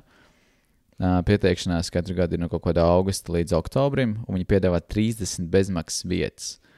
Uh, restīvi, ko, ko tas nozīmē, ka tev iedot Barišņikova centra telpas divas nedēļas līdz mēnesis ar visu tehnisko aprīkojumu bez maksas. Un viņš pats atlasa, kam dot rezidentūru. Tas vienkārši telpas ir. Un, uh, nu, lūk, un es par to diezgan daudz uzzināju. Nākamā dienā bija pēdējās rezidentu vietas. Ja es domāju, ka hmm, es noteikti iesaku pieteikties nākamajā reizē. Tur, tur, tur ir krietnas iespējas uh, parādīt sevi. Man ir Ņujorkā. tāds, ka es negribu uz Ņujorku, bet viss, ko tu stāsti, man tagad sāk gribēties. Bet uz ceļi, ja. Ņujorku. Mhm. Jā, jā, man tieši pretēji, man, man ļoti nepatīk Losandželos. Man nepatīk Ņujorka. jā, un, bet man ļoti patīk Ņujorka. Bet vai tas bija Losandželosā? Esmu bijis, jā. Jā, nu es arī biju Ņujorkā. Man bija tāds, ak, Dievs, cik ir smirda briesmīgi. Man tas pats bija par Losandželos. Redz, cik dažādas Cik cilvēku perspektīvas. tik- Latvijas, viedokļi. kurā rajonā Losandželosā tu biji? Nu, es padzīvoju pa visurienu. Ai, Es pārsvarā pie Monikas beigšu tajā pusē Mm. dzīvoju, uh, bet, bet uh, arī. tas, ir- tas ir labākais rajons, kur dzīvot. Bet Tas bija- Holivudas jā. rajons ir drausmīgs. Jā, tas bija briesmīgs. Tas bija briesmīgs. Tur Jā. es pat ar mēģinu nebraukt. Jā, bet uh, tā tad. Uh, un nākamā dienā es atgriezos uz Barīžņiko centru uz divām izrādēm. Un es tikko ienāku pašā centrā, un uh, Barīžņikos ir kaut kāds metrs 50. Un viņš no tāluma kliedz, sveiks, Jorī, kā tev iet? Latviešu valodā. Opa! Wow. Jā, tas arī par ko mēs runājām. Viņš izteicās, viņš teica, ka viņš ā, lepojās ar to, ka viņam ir piešķirta uh, Pilsonība. pilsonība. Viņš ir latviski, cik daudz viņš runā latviski. Nu, pamatiņus. Mm. Bet, bet nedzird akcentu. Viņš Jā, vienkārši Gan viņš arī saprot daudz vairāk Mm. viņš, runā. viņš saprot daudz, daudz Mm. labi. Jā, viņš daudz labi saprot. Lūk, un tad uh, bija pirmā izrāde. Pirms pirmās izrādes um, es pamanīju kungu, kurim bija forša platmala. Es pateicu, ka forša platmala. Mhm. Un uh, viņš man teica, ka tu laikam esi dejotājs. Un, un tad mēs sākām runāt. Un mēs ienācām zālē. Es nezināju, kas viņš ir. Mēs ienācām zālē. Un, uh, viņš, viņš teica, nāc, sēdi ar mani. Nāc, sēdi ar mani. Un uh, mēs aizgājām uz vietām, kur bija rakstīts rezervēts. Un mēs nosēdāmies. Un pēkšņi nāca, sāka nākt uh, pārējie cilvēki, tur, kur tās rezervācijas. Un, um, un izrādās, tā visa bija uh, Brīsīsku centra valde. Mm. Viņš bija Ok. viens no uh, uh, padomniekiem, viens no valdes cilvēkiem. Un viņš man sāka visiem iepazīstināt. Rasīt, tas vakars beidzās restorānā, kad mēs bijām kopīgās vakariņās. Un, uh, un tā turpinājās. Tas bija novembrī. Labi, ka tas bija novembrī. Un Es biju uz vairākām baleta laikmatīgās izrādēm kopā ar viņiem. Tad man kāds cits aicināja, tad tas pats kungs, un tad beigās vēl pie viņa mājās bijām. Un, uh, brokas tur, vakariņas tur, viņa draugiem iepazīstināja tur. Un, un, un, uh, un šobrīd mēs esam. Uh, jā, šo es nedrīkst īstenībā stāstīt vēl. Uh, Restīvi, pagaidām punkts par Barīšņiko Jā. centru. Jā. Okay. Okay. Tam ir turpinājums. tā. Man ir muļķīgs jautājums. tu taču nemaksā pat uh, vakariņā. Nē, Mm. Okay. nē restīvi, jā, Amerikā. Kurš aicina, tas arī Tas maksā. maksā. Tā Mm. vienkārši ir. Ja es arī kādu aicinu, nu, tad es maksāju. Mm. Mm. Tad, tad arī tas cilvēks zina, apzinās, ka Mhm. es būšu tas. Bet, uh, o jā, it īpaši atkarīgs, kur tu aizēji. Un, uh, Es, es zinu, es netiešām redzēju rēķinu vienā tur sushi restorānā, kas skaitās tā kā tur upper class. Ka ir tik daudz nulles. Bija tāds jā, jā. Un arī, arī bija viens vakars, eh, kur mēs bijām um, uz vienu mazāku teātris izrādīt aizgājuši vienā no vecākajiem Ņujorkas rajoniem. Un uh, bija tas eh, pats kungs no tās valdes un viņa draugi. Uh, un mēs beigās aizgājām uz itāļu restorānu. un Viņi savā starpā sāk ķīvēties. Tur bija divi kungi, kurš maksās. Un, uh, nu jā, beigās, kamēr viņi ķīvējās, mēs visi redzējām, cik tas bija tas, tas cipars. Un, nu, tad viens samaksāja, bija ļoti priecīgs un lepns, ka viņš varēja samaksāt. Bet, uh, nu, tas ir tas dzīves, uh, dzīves stils. Jā, jā viņam stils. tur citas naudiņas. Tā kā viņi abi divi gribēja maksāt. Viņi bet- gribēja jā. jā. divi maksāt, viņi sāk strīdēties. Okay. Kurš maksās? okay, Jā, Okay. jā. Jā, nu, tā ir. Jā. Amerikāņi ļoti devīgi. Mm -hmm. jā, ļoti. Jā, ļoti. Ļoti uzkrītoši, tā ka viņiem ir tik svarīgi dot. Tas arī man patīk. ka Es esmu cieši saistīts ar uh, nu, jau pēdējos gados ar uh, diasporas latviešiem tieši Kanādā un Amerikā. Un uh, it īpaši tagad ar Ņujorkas latviešiem, Mm. um, kuri arī man šoreiz uh, ļoti uzņēma un ar kuriem es daudz laika pavadīju kopā. Un uh, Ziemassvētki un, un jaunais gads pie viņu ģimenēm. Un, uh, viņi tik ļoti atšķirās no latviešiem te Latvijā. Un, uh, vairāk ar to, ar to sajūtu par dzīvi. Amerikā vairāk ir tas, ka, ja tu gribi kaut ko sasniegt, tev teiks, ej un cīnies. Mhm. Ja tev nesanāks, nu, tad tev nesanāks, bet Mhm. tu vismaz centīsies, tu cīnīsies. Latvijā tu gribi cīnīties, bet tev saka, pat nesāc. Ah, ja nu Mhm. tev nesanāks, tu aplauzīsies, labāk pat nesāc. Un tā ir tā starpība, un tur viņi ir atbalstoši. Tur viņi dot pretīm, tur viņi mauc uz visiem 110%. Un Mm. atbalsta. jā. Emocionāli galvenais, ne fiziski, emocionāli. Jā. Uh, runājot ar visiem šiem latviešiem, kas tur ir Amerikā, uh, kādas ir viņu sajūtas pret Latviju? Viņi visi vēlās dzīvot Latvijā. Viņiem 99% ir vēlme dzīvē Atgriezties pārcelties šeit. Jā, tie ir jaunieši. Tie ir, uh, jā, pārsvarā tie ir jaunieši vecumā no būtībā jau 17 uz augšu, kuri augst pēc dzīves Rīgā, Latvijā. Es it kā saprotu, jo tā sistēma Amerikā brūk. Un...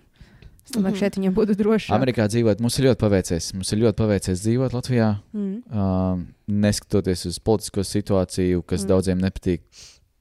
Tur šis un tas, bet salīdzinoši mums ir Kā ļoti citur ir paveicies. Politiskā situācija. Mums ir ļoti paveicies. Jā, jā.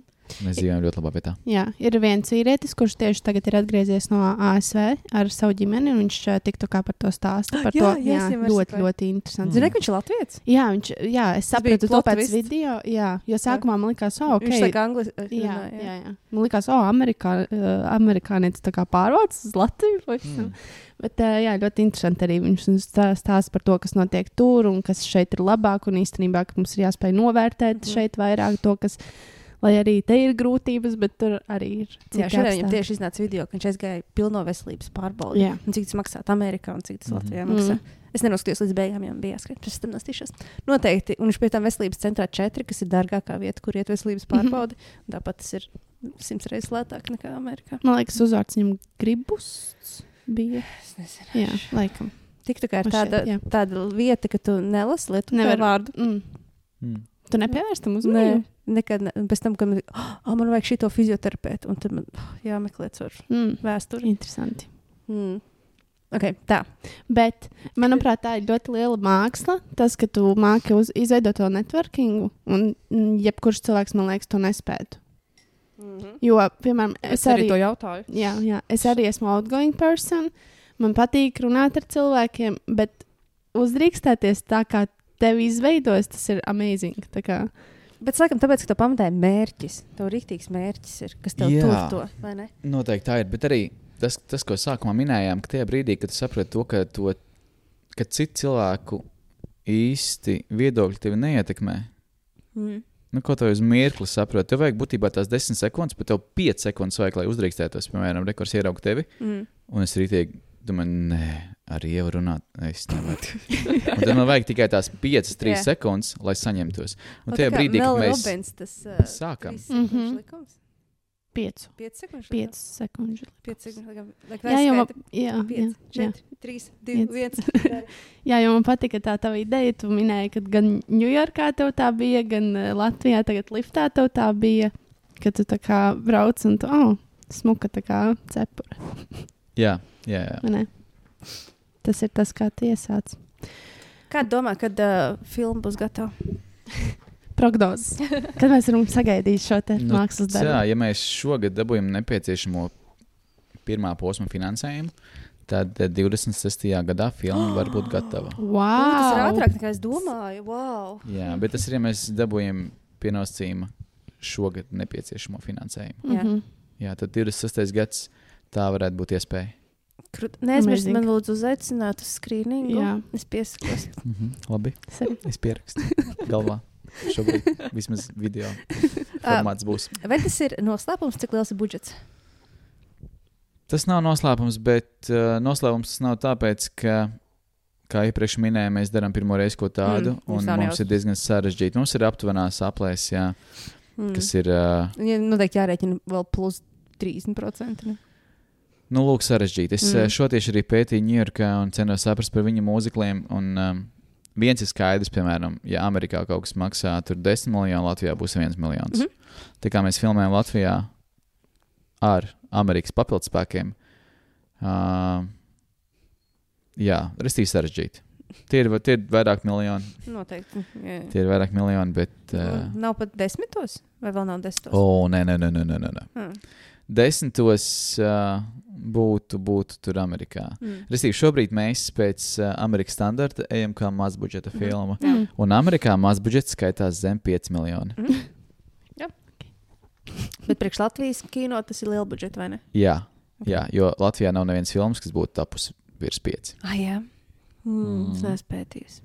Bet man ka pēdējā gadā, pēdējā gadā, pēdējo gadu laikā Latvijai labi izdodas veidot kino. Mm -hmm. Es esmu redzējis pāris Lat filmas. Latvija ir uh, pareizajā virzienā. Jā, Jā, un jā. tagad ir tas Jā. jaunais seriāls, ko es sāku skatīties. Nelūk, viesi. Nelūk, Tik labi. Es Es neesmu nevaru. skatīties. Vienkārši Tik labi. Jā, iesaku. otrā sezonā. Jā, es tagad pirmo Jā, jā, skatos. es esmu dzirdējis. Esmu vienkārši Jā, ļoti daudz tieši. skatos, visu kaut ko es nevaru paspēt. Tiešām tik dabiski tas viss ir. Un, Protams, tā lamāšanās nedaudz kaitina, bet, uh, bet tā ir dzīve, tā ir reāla latviešu dzīve. Mm Mhm. -hmm. Tas viss tik kā pa sviestiņiet. Vai labi? Okay. Ja mums katrs viesis atstāja jautājumu nākamajam viesim. Es neesmu lasījis. Un arī viņu. tu atstāsi savu jautājumu nākošajam viesim. O, uh, ko tu darītu jau rīt, ja zinātu, ka izdosies un tev tam ir visi nepieciešamie resursi? Mm. Ja man izdotos rīt, vai ko es darītu? Ko rīt? tu darītu rīt, ja tev jau viss būtu pieejams? Es turpinātu darīt to pašu, ko daru šobrīd. Es Nekas nemainītos. nezinu. Jo viens sasniegums uh, vēl neko nenozīmē. Neviens, ne otrs, ne trešais. Un es jau nedaru to, lai kaut ko sasniegtu. Mhm. Uh, visi, visi, visi projekti, visi darbiņi, ko es daru, ir, uh, jo pirmkārt man patīk to darīt, jo es no tā vienkārši dzīvoju. Un es redzu to, ka tas var palīdzēt uh, sabiedrībai. Mhm. Piemēram, šis mūzikls, uh, tas ir drosmes stāsts. Stāsts par meiteni. Brīdīšu par stāsts tas drosmi. būs arī.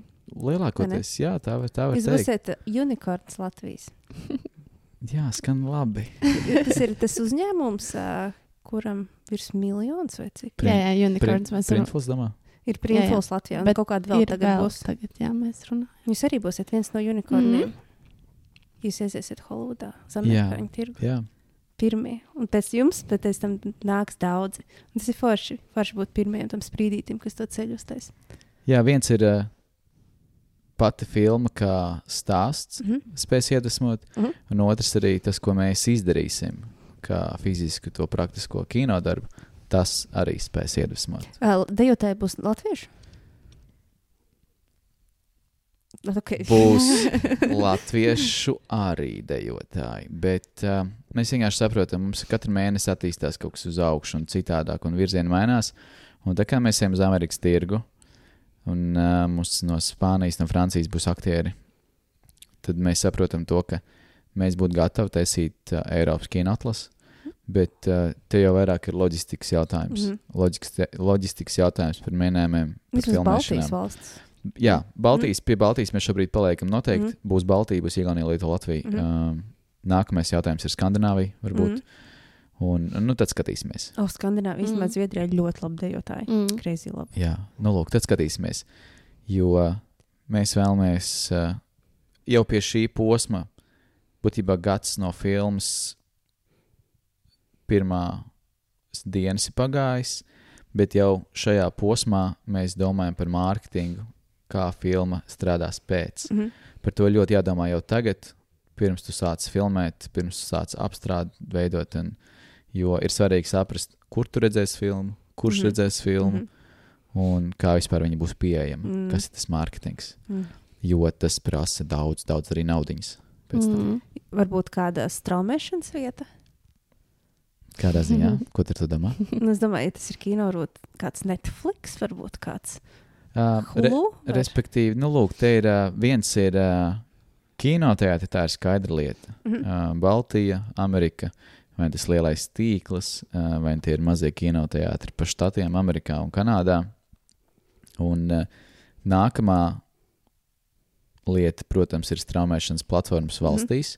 Piemēram, Latvijā būs kādā no straumēšanas platformām Mhm. ekskluzīvās tiesības Mhm. filmai. Tas pats Lietuvā, Igaunijā. Tālāk mēs skatāmies uz nākamajām valstīm, un vai nu Vācijā, piemēram, ir lokālā uh, straumēšanas platforma, vai arī mēs skatāmies uz iespējamu sadarbību uz, uz, uz Apple vai, vai, vai Max mm. vai, vai jā, Hulu un, un Netflix un tādā garā. Bet eh, tas nekad nav atkarīgs no mums. Mm. Es par uh, dzirdēju, kaut kur teicu, ka mums vēl pieci gadi līdz Netflixam. Tikko uh, nelūk to viesu producente bija publiko, pub, ka publiskojusi tas informāciju par jā. uh, viņas uh, um, komunikāciju. Man arī izdevās Amerikā parunāt ar cilvēkiem, kas ir iekšā tajā visā pasaulē. Un viņi ļoti piesardzīgi skatās uz tādiem jauniem tirgiem, Mm. uh, ka būtībā mēs tagad tikai augam kā kino platforma. Mm. Bet uh, mēs neko nevaram vēl minēt un zināt, jo mēs ejam sadarbībā ar Ameriku. Un mēs, kā sākumā teicu, mēs nezinām to mehānismu, kā mēs sauksimies. Mm. Kopražojums, Latvijas produkts, Amerikas produkts. Mm. Mhm. Um, tāpēc uh, varbūt mēs būsim interesanti. Jo, uh, bet to redzēs, to redzēs vēlāk. Bet es- arī ikdienā domāju, es Ņujorkā satiku cilvēkus, kuri ir rakstījuši scenārijus un izveidojuši darbus, par kuriem Netflix ir piedāvājis desmitiem miljonus. Un tad ir jautājums, ja man šodien piezvanīja Netflix un man prasa desmit miljonus, nevis man prasa, bet man saka, ka mēs Mm. tev dodam desmit, tu mums atdot visu licenci un Oi. filmas tiesības. Oh. Nu, tad pilnīgi noteikti nē. Mm. Jo tā nauda nav tā motivācija Jā. šajā gadījumā. Mm. Tu zini, yes, teorija. Zini, vai ne? Protams, Un jā. viņiem, viņiem bija tas Protams, stāsts par to projektu aizsmēnu, ka viņi paši uztaisīja filmu, un Netflix gribēja pirkt, un viņi atteica. jā, viņiem bija tas stāsts. Jā. jā, es biju uz viņu pirmsrādu Parīzē ar puišiem. Mm. Bija, bija brīnišķīgi. Un, uh, un Ņujorkā mēs tikāmies ar uh, komunitī vairākiem cilvēkiem, kas strādā ar puišiem kopā. Tu tikko iekšējā praudājies. Nē, nu es, es, es viņus arī esmu saticis vienā Jā, jā. video filmā, Jā, jā. Sigdis komforta reklāmā. Ah, kaut ko es atceros tādu, jā. 17, 18, 18 gadā. Jā, Jā. kaut ko es tādu atceros, jā. Un, bet es gribu ar viņiem tā kā normālāk vairāk strādāt, jo fuck, tik labs. Tik Viņiem, ideja un viņiem ir diezgan sarežģīti iekšēji. Nu, to es saprotu, Viņiem bet visa tā sarežģīti ideja un viss, kas tur notiek, man ļoti, ļoti simpatizē. Es nezinu, kāda viņiem nākotne būs, jo pagaidām nevar saprast. Viņi arī vēl nezina. Jā, jūs Cik- Parīzē tagad taisījis viņu savu. Jā, viņi pārceļās Parīzi. Jā. diezgan akal liela birokrātiska problēma Amerikā.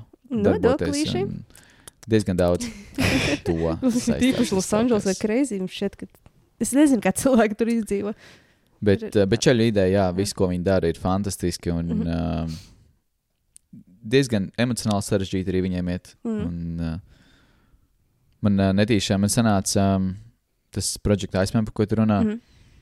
uh, tam, tam pašam, PS var noskatīties YouTube. Mm, Amazing. jā, var, var noteikti Jā. jāskatās, kamēr Jā. ir gan jau arī paliks laika. Bet, bet tam čalim, kurš ir tas aizmēns, mm. -hmm. viņa brālis, kurš Mhm. arī filmā ir. Tu esi Mhm. redzējis pat filmu. Jā, jā, jā. Es, nu, lūk. Jā. Un viņa brālis spēlē diezgan lielu lomu tajā mm. -hmm. filmā. Jā.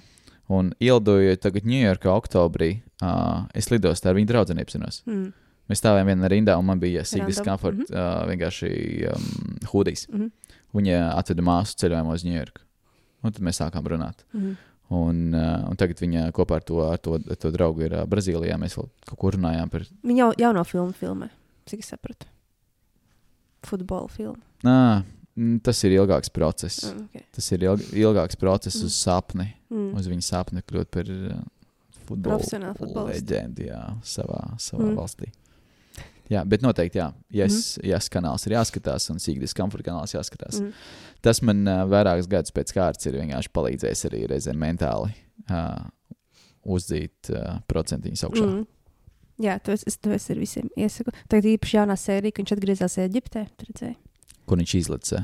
Jā, Jā. ar izplatni. Jā, Virs piramīdām, izlaiž ar izplatni virs piramīdām.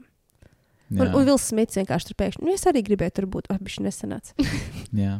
izlaica kopā ar tēvu, Jā, kas no bija tēva. emocionāli forši. Un tur jā, tur stāsts ir jāsako līdzi. Jā, paskatās. Jā, iesaku visiem.